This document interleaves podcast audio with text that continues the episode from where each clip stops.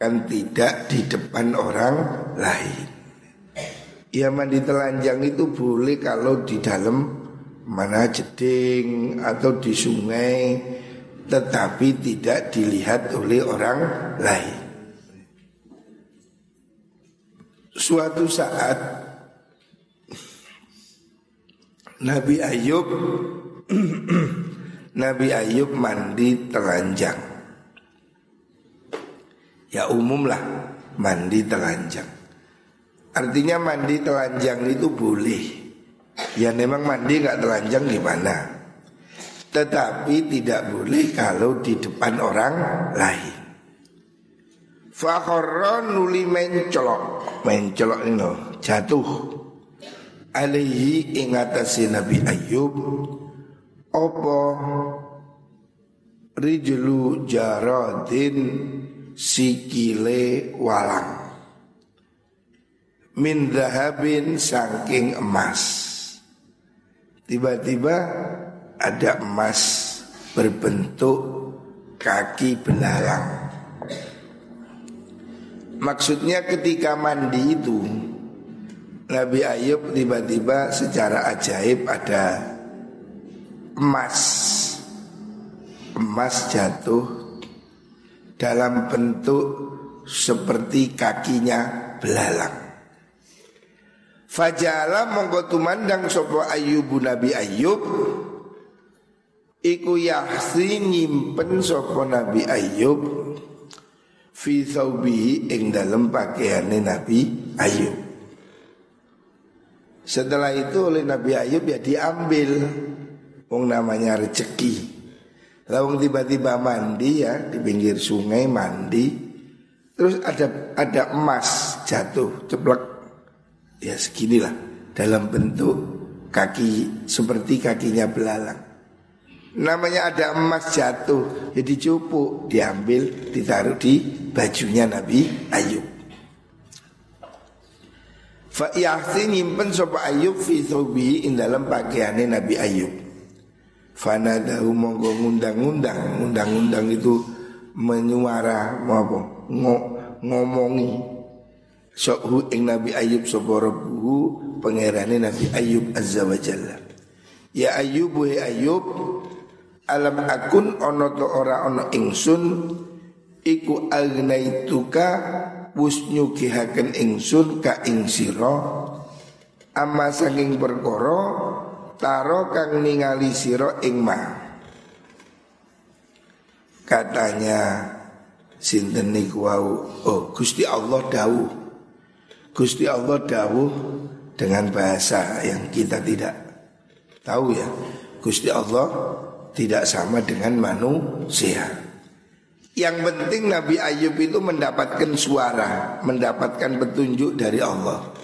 Wahai Ayub, Bukankah aku telah memberi kamu rezeki yang lebih banyak dari emas yang kamu lihat itu? Artinya ini kan Nabi Ayub mendapatkan emas dari Gusti Allah ya.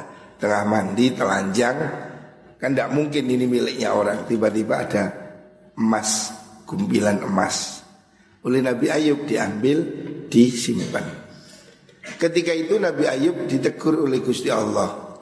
Ayub, bukankah aku telah memberimu harta lebih banyak dari yang kamu lihat itu, dari emas itu? Terus apa jawab Nabi Ayub? Kala ngucap supon Nabi Ayub, bala enggih. Ya betul Bala enggih Wa izzatika demi keagungan panjenengan. Walakin lagina tetapi ini ora ono semuke iku mangcut bi kelawan ingsun an barokatika sangking barokah panjenengan. Rawahu Bukhari. Ya. Ini hadis riwayat Imam Bukhari Rasulullah Shallallahu Alaihi Wasallam menceritakan kisah Nabi Ayub. Lu kanjeng Nabi kok tahu? Ya berarti Nabi diberitahu oleh Gusti Allah. Nabi diberitahu oleh Allah Hal-hal yang gaib Hal-hal yang manusia biasa tidak tahu Contoh Kanjeng Nabi Muhammad Shallallahu Alaihi Wasallam bisa menceritakan Nabi Ayub. Nabi Ayub itu kan ribuan tahun sebelum kanjeng Nabi. Loh, kanjeng Nabi kok tahu?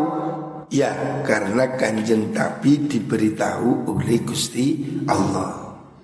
Loh, Nabi bisa menceritakan kejadian Nabi Ayub, menceritakan kejadian Nabi Musa, itu tidak ngarang. Jelas Nabi tidak bikin sendiri. Itu datang dari Gusti Allah. Di sini Nabi menceritakan suatu saat Nabi Ayub sedang mandi telanjang. Mandi telanjang boleh. Asalkan tidak telanjang di depan orang lain Nah terus juru jeding ya Mudah gak apa-apa. Tapi aja diketok-ketok no jangan dipamerkan itu rek anuku nggak boleh. Gede-gedean nggak boleh. Tapi kalau mandi sendiri telanjang boleh. Suatu saat Nabi Ayub sedang mandi terus oleh Allah itu digudo ini kan dari Allah. Tiba-tiba ada emas emas panjang-panjang segini seperti kakinya belalang ya Allah itu yang memberi Nabi Ayub ketika mandi lihat lu ada emas, ada emas. Ya diambil oleh Nabi Ayub, dipungut, dikumpulin. Nemu, ya kan? Ada emas berjatuhan, ya diambil. Ini kan refleks nemu rezeki, ya diambil, disimpan di bajunya. Terus setelah itu ditegur oleh Gusti Allah. Ayub, kamu kok heran lihat emas itu? Bukankah aku telah memberi kamu rezeki yang lebih banyak dari itu? Apa jawab Nabi Ayub? Ya, Nggih kanjeng, nggih betul Gusti Allah. Saya sudah punya rezeki yang lebih dari ini. Tapi ini kan lutung, cara bahasa Jawa, nama lutung. Lumayan daripada nggak diambil ya. Walaupun kita sudah punya nemu rezeki, jadi ya cukup sih, gitu. Cara Jawa ini lutung, lutung ngerti lutung. Lutung ya, lutung maksudnya lumayan nih lah. Nabi Ayub merasa ya daripada mubazir. Ya kita ini walaupun sudah punya umpamanya ya. Kok nemu rezeki kan kita ambil. Nggak masalah toh. Nabi Ayub sudah punya ya Kan waktu itu Nabi Ayub kaya. Nabi Ayub itu sebelum kena cobaan apa itu menjadi sakit. Nabi Ayub itu asalnya kaya. Nabi Ayub itu kaya. Tapi kemudian ketika mandi nemu emas, emas keripilan yang panjang-panjang kecil-kecil gini, dikumpulin oleh Nabi Ayub. Oleh Gusti Allah ditegur, Ayub Bukankah aku sudah memberi kamu harta lebih banyak dari itu? Nabi Ayub menjawab, iya memang betul. Tetapi saya kan masih butuh berkah. Walakin lagi Nabi an barakatik. Tapi saya masih butuh tadi dari berkah panjenengan. Artinya walaupun saya sudah punya tetapi ini kan rezeki Allah memberi emas-emas ini kan rezeki Daripada tidak diambil ya dipungut ya. Maksudnya apa sih? Maksudnya bahwa orang itu meskipun sudah punya Tetap bekerja itu tidak ada masalah Anjuran bahwa kita ini hendaknya terus produktif Produktif saya alhamdulillah secara rezeki dimakan cukup. Tapi saya tetap bekerja Supaya apa? Saya kepingin bisa berbagi dengan orang lain. Nabi Ayub sudah kaya Tetapi Nabi Ayub nemu emas. Waktu mandi tadi Nemu emas keripil-keripilan. Ya dicupu. Artinya seseorang tidak dilarang untuk menambah rezeki. Orang sudah kaya bekerja lagi, bekerja lagi Tidak dilarang ya. Seorang manusia boleh terus bekerja, berusaha, produktif ya dengan tujuan supaya dia bisa berbagi pada orang lain. Maksudnya begitu. Jadi Nabi Ayub walaupun sudah kaya, dia masih mau mungut emas. Ya. Artinya kita ini tetaplah produktif ya. Hendaknya kita ini tetap berusaha mencari rahmat, rezeki, pemberian dari Gusti Allah. Kalau ada kesempatan ya diambil. Contoh Nabi Ayub ini nemu ketika mandi telanjang kok ada butiran emas panjang-panjang seperti itu. Ya diambil gitu. Walaupun di rumah mungkin sudah ada Tetapi tidak ada salahnya Tidak tidak ada larangan Seorang yang sudah punya itu Tetap berusaha mendapat tambahan ya. Mencari berkah Mencari kelebihan mengumpulkan harta tapi tujuannya supaya bisa bermanfaat bagi orang lain. Kalau dimakan sendiri mungkin kita sudah cukup. Tetapi kita tetap berusaha ya. Kita tetap bekerja mencari rezeki Walaupun kita mungkin sudah punya Tetap kita produktif tidak berhenti Bukan untuk menumpuk-numpuk kekayaan Tetapi kita ingin bisa berbagi dengan orang lain. Kalau kita tambah kaya Otomatis kita akan semakin banyak mengeluarkan zakat. Kalau kita orang muslim ini tambah makmur Tentu masjid tambah makmur. Pondok pesantren tambah bagus ya kan? Saya itu iri lihat banyak pondok bagus seperti pondoknya Ustadz Yusuf Mansur bagus di mana-mana cabangnya banyak. Karena apa? Karena kiainya pintar bekerja. Ustadz Yusuf Mansur kaya raya. Dia bisa membangun pondok di mana-mana. Lah seperti itu, ya. Jadi orang sudah kaya bekerja tidak ada masalah.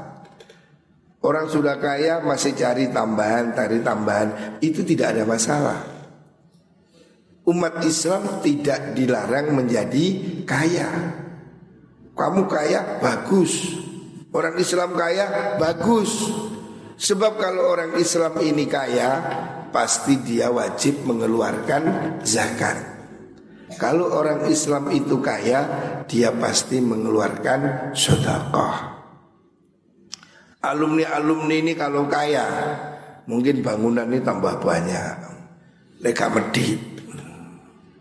Sing loman Insya Allah tambah suki Amin Allahumma Amin. Ada alumni itu dari Jakarta. Namanya Haji Mahmud. Itu hampir setiap hari kirim anu donasi ke Lazis. Tidak banyak 100 ribu, 200 ribu tapi rezekinya berlimpah. Ya dia itu yang namanya kelasnya pedagang jualan es. Ya pedagang es berapa ya untungnya. Tapi dia itu sangat tersugesti. Saya lihat di grup alumni hampir tiap hari dia kirim transfer. Tidak banyak, 100 ribu, 200 ribu. Tapi karena dia rajin sodako, rezekinya tambah berkah. Saya melihat itu positif. Jadi orang Islam kaya itu bagus. daripada orang non muslim kaya. Di Indonesia ini yang kaya itu bukan orang muslim. Dari 100 orang terkaya di Indonesia itu yang muslim nomor sekian nomor sekian.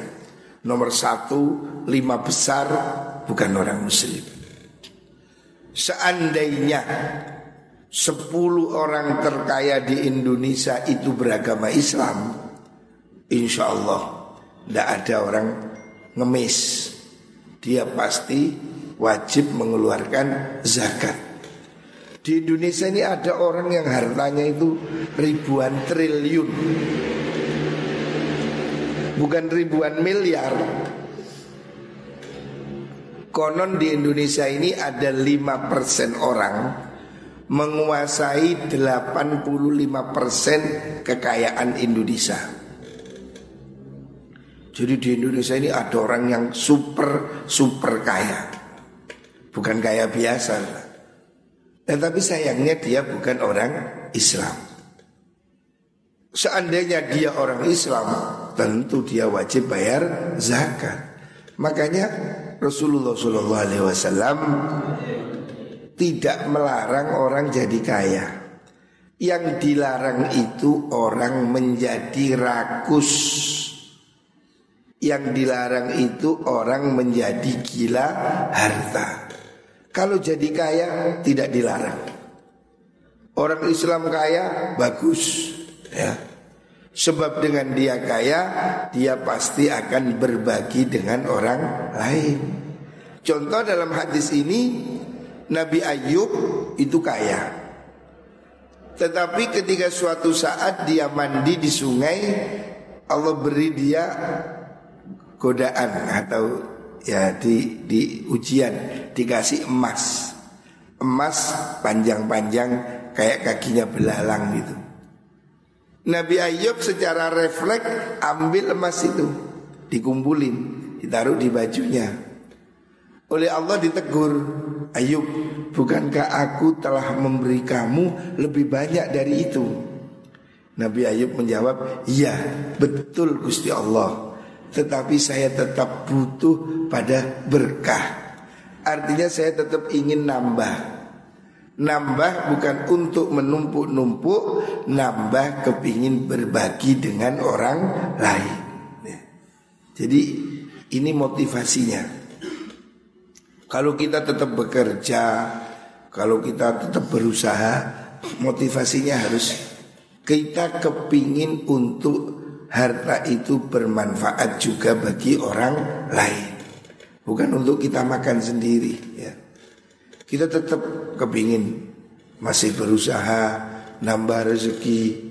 Ya contohnya pesantren ini saya masih kepingin bangun pesantren lagi. Saya kepingin masih bisa bangun madrasah yang lebih bagus lagi. Ya. Makanya saya tetap bekerja. Semua orang harus mencukupi kebutuhannya. Ya. Jadi bekerja bekerja itu bagus selama dia tidak lupa ibadah.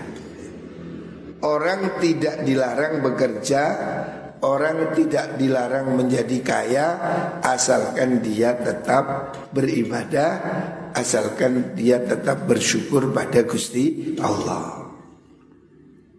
Ini bab selanjutnya babu fadlil ghina. Ah, babu fadlil ghani asyakir. Babu fadlil ghani bab mertelaaken keutamaane wong kang suki asyakiri kang syukur.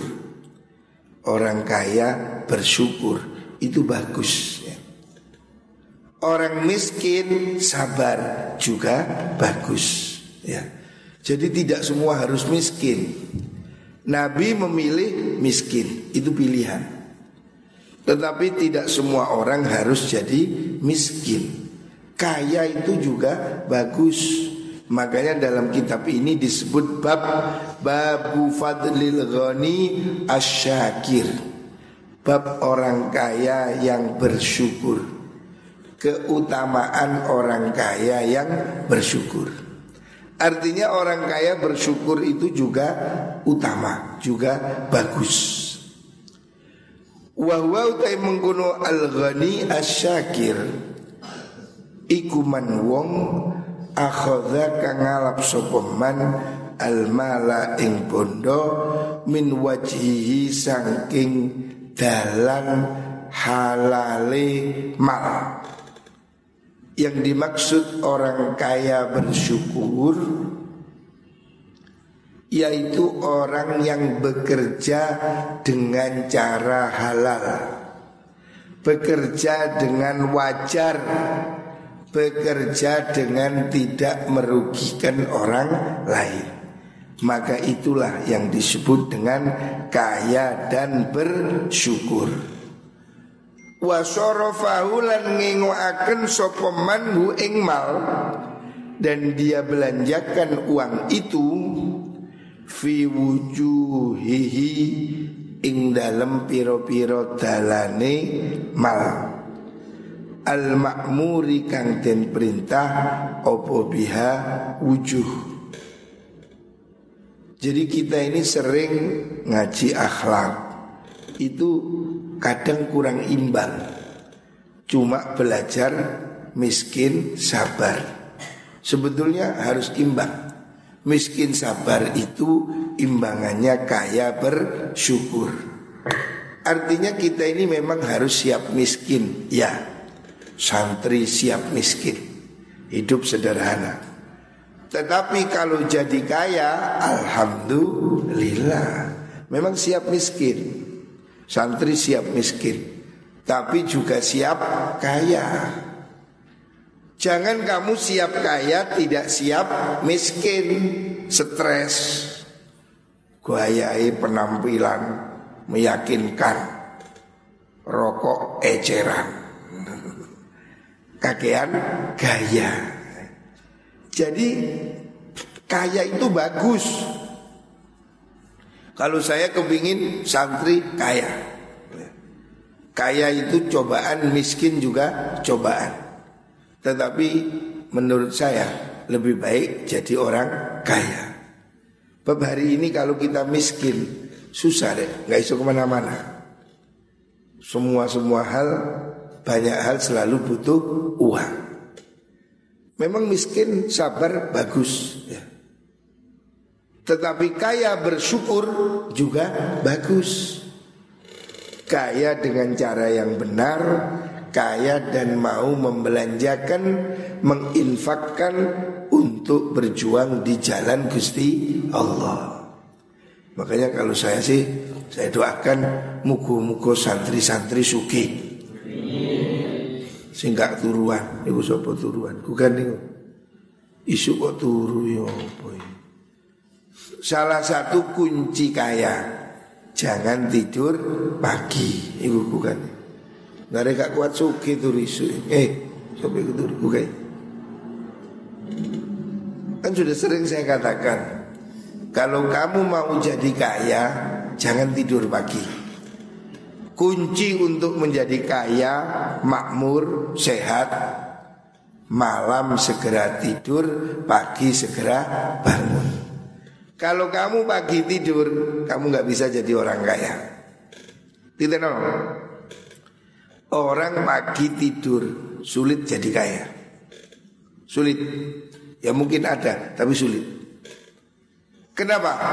Sebab kata Imam Syafi'i Orang tidur pagi Dia tidak dapat bagian berkah Dari doa Rasulullah SAW Kanjeng Nabi itu mendoakan Allahumma barik li ummati fi bukuriha. Ya Allah berkailah umatku di waktu pagi mereka.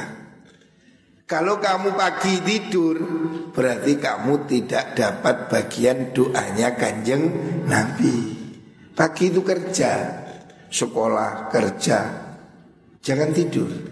Kalau kamu pagi bekerja Sekolah, berusaha Insya Allah berkah.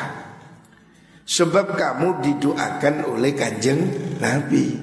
Nabi mendoakan. Jadi hilangkan tradisi tidur pagi. Kalau memang tidak betul-betul capek apa? Jangan. Sing bener iku malam segera tidur Pagi segera bangun. Maka saya tidak suka lihat anak tidur pagi Semua pagi jangan tidur Kalau kamu biasa tidur pagi, kamu sulit jadi orang kaya. Kau sopo ngantuk. Harus ngambil lorek ya. Ngantuk. Kul, fit. Harapmu itu turu. Jangan tidur pagi. itu sejak dulu aturan itu. Mulai zaman ayah saya begitu. Di pondok ini tidak boleh tidur pagi. Saya juga. Sejak kecil di rumah saya tidak ada anak tidur pagi tidak ada. Ayah saya marah.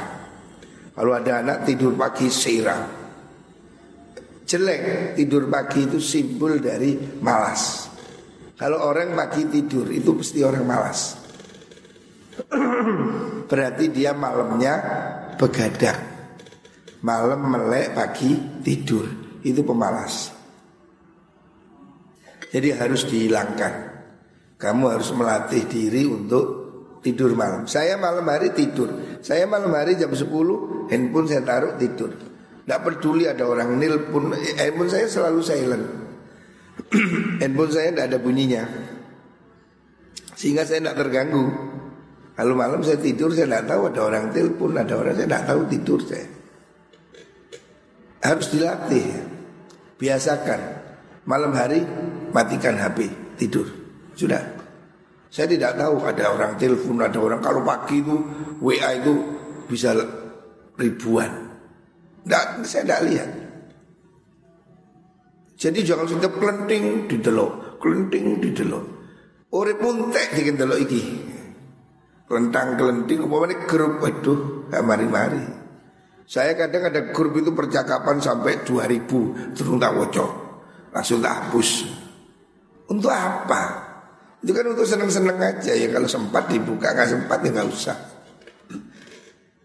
Makanya kalau perlu ya japri. Saya sering begitu. Lu kan sudah saya share di grup membuat karo.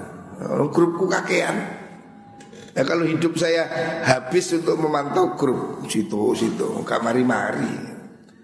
Jadi kita ini jangan tersiksa oleh handphone. Penyakit zaman ini nih handphone, ini setan gepeng ini penyakit ini. Ini saya sangat tidak menganjurkan, apalagi santri. Santri tidak boleh bawa handphone. Sebab kalau kamu sudah kecanduan ini, setan gepeng ini, oh bahaya. Banyak rumah tangga bisa rusak gara-gara handphone. Banyak rumah tangga jadi hambar, rumah tangga jadi tidak harmonis. Lawang diranjang suami istri pada nyekel handphone, sing mana ada brono, sing ngedok ada brono. Tidur satu ranjang, tapi hatinya ke handphone masing-masing. Inilah yang menyebabkan hari ini semakin orang tidak bahagia. Banyak orang menjadi tidak bahagia karena hidupnya disandra oleh HP-nya masing-masing. Kita sepertinya tidak bisa dilepas dari HP. Kalau saya nggak mau, kalau saya lagi waktu istirahat ya HP saya matikan sudah. Waktunya kerja kerja. Saya bekerja dengan HP. Setiap hari saya pegang HP karena saya bekerja dari sini. Tetapi saya tidak mau diperbudak HP. Kalau saya waktu istirahat ya sudah saya matikan. Kalau saya waktunya rileks saya matikan. Jadi kita harus bisa mengatur diri ya. Kadang saya lihat orang itu satu meja bersama tapi wajahnya ke HP masing-masing. Janjian ketemu. Barang wis ketemu nyekel handphone dewi-dewi. Lah kayak apa? Chattingnya lah wis. Kumpul-kumpul tapi semuanya pegang HP.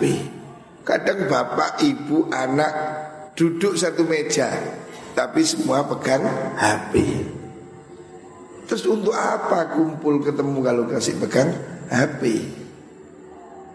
Ini sekarang sudah penyakit ini.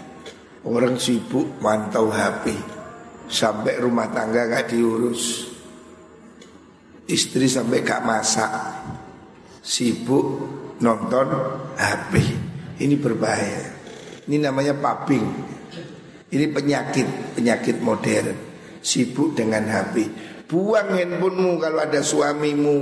Buang handphonemu kalau ada bapak ibumu. Jangan di depan orang tua pegang HP Tidak sopan ya. Di depan orang tua matikan HP Di depan tamu matikan HP Kadang di, di depan tamu pegang HP Bertamu pegang HP Itu tidak sopan. Kalau ada orang tua, ada guru, ada tamu, ada suami, taruh HPmu.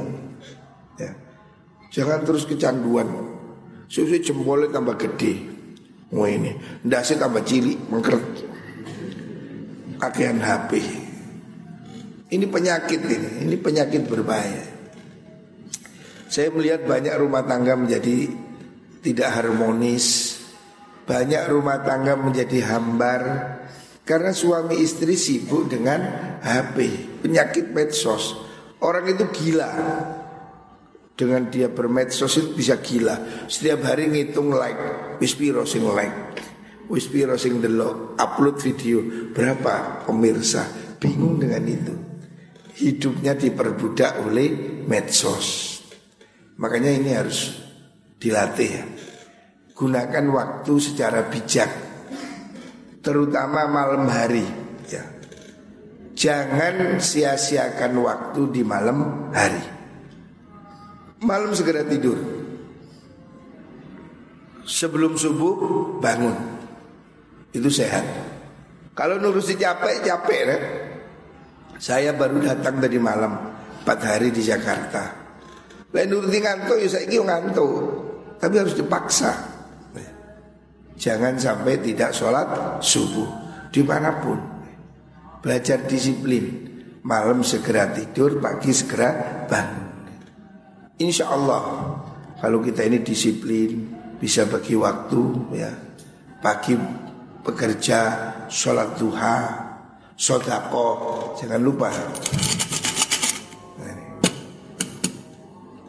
Cara untuk menjadi kaya. Muka-muka semua diberi rizki yang berkah Diberi umur yang berkah. Amin Allahumma amin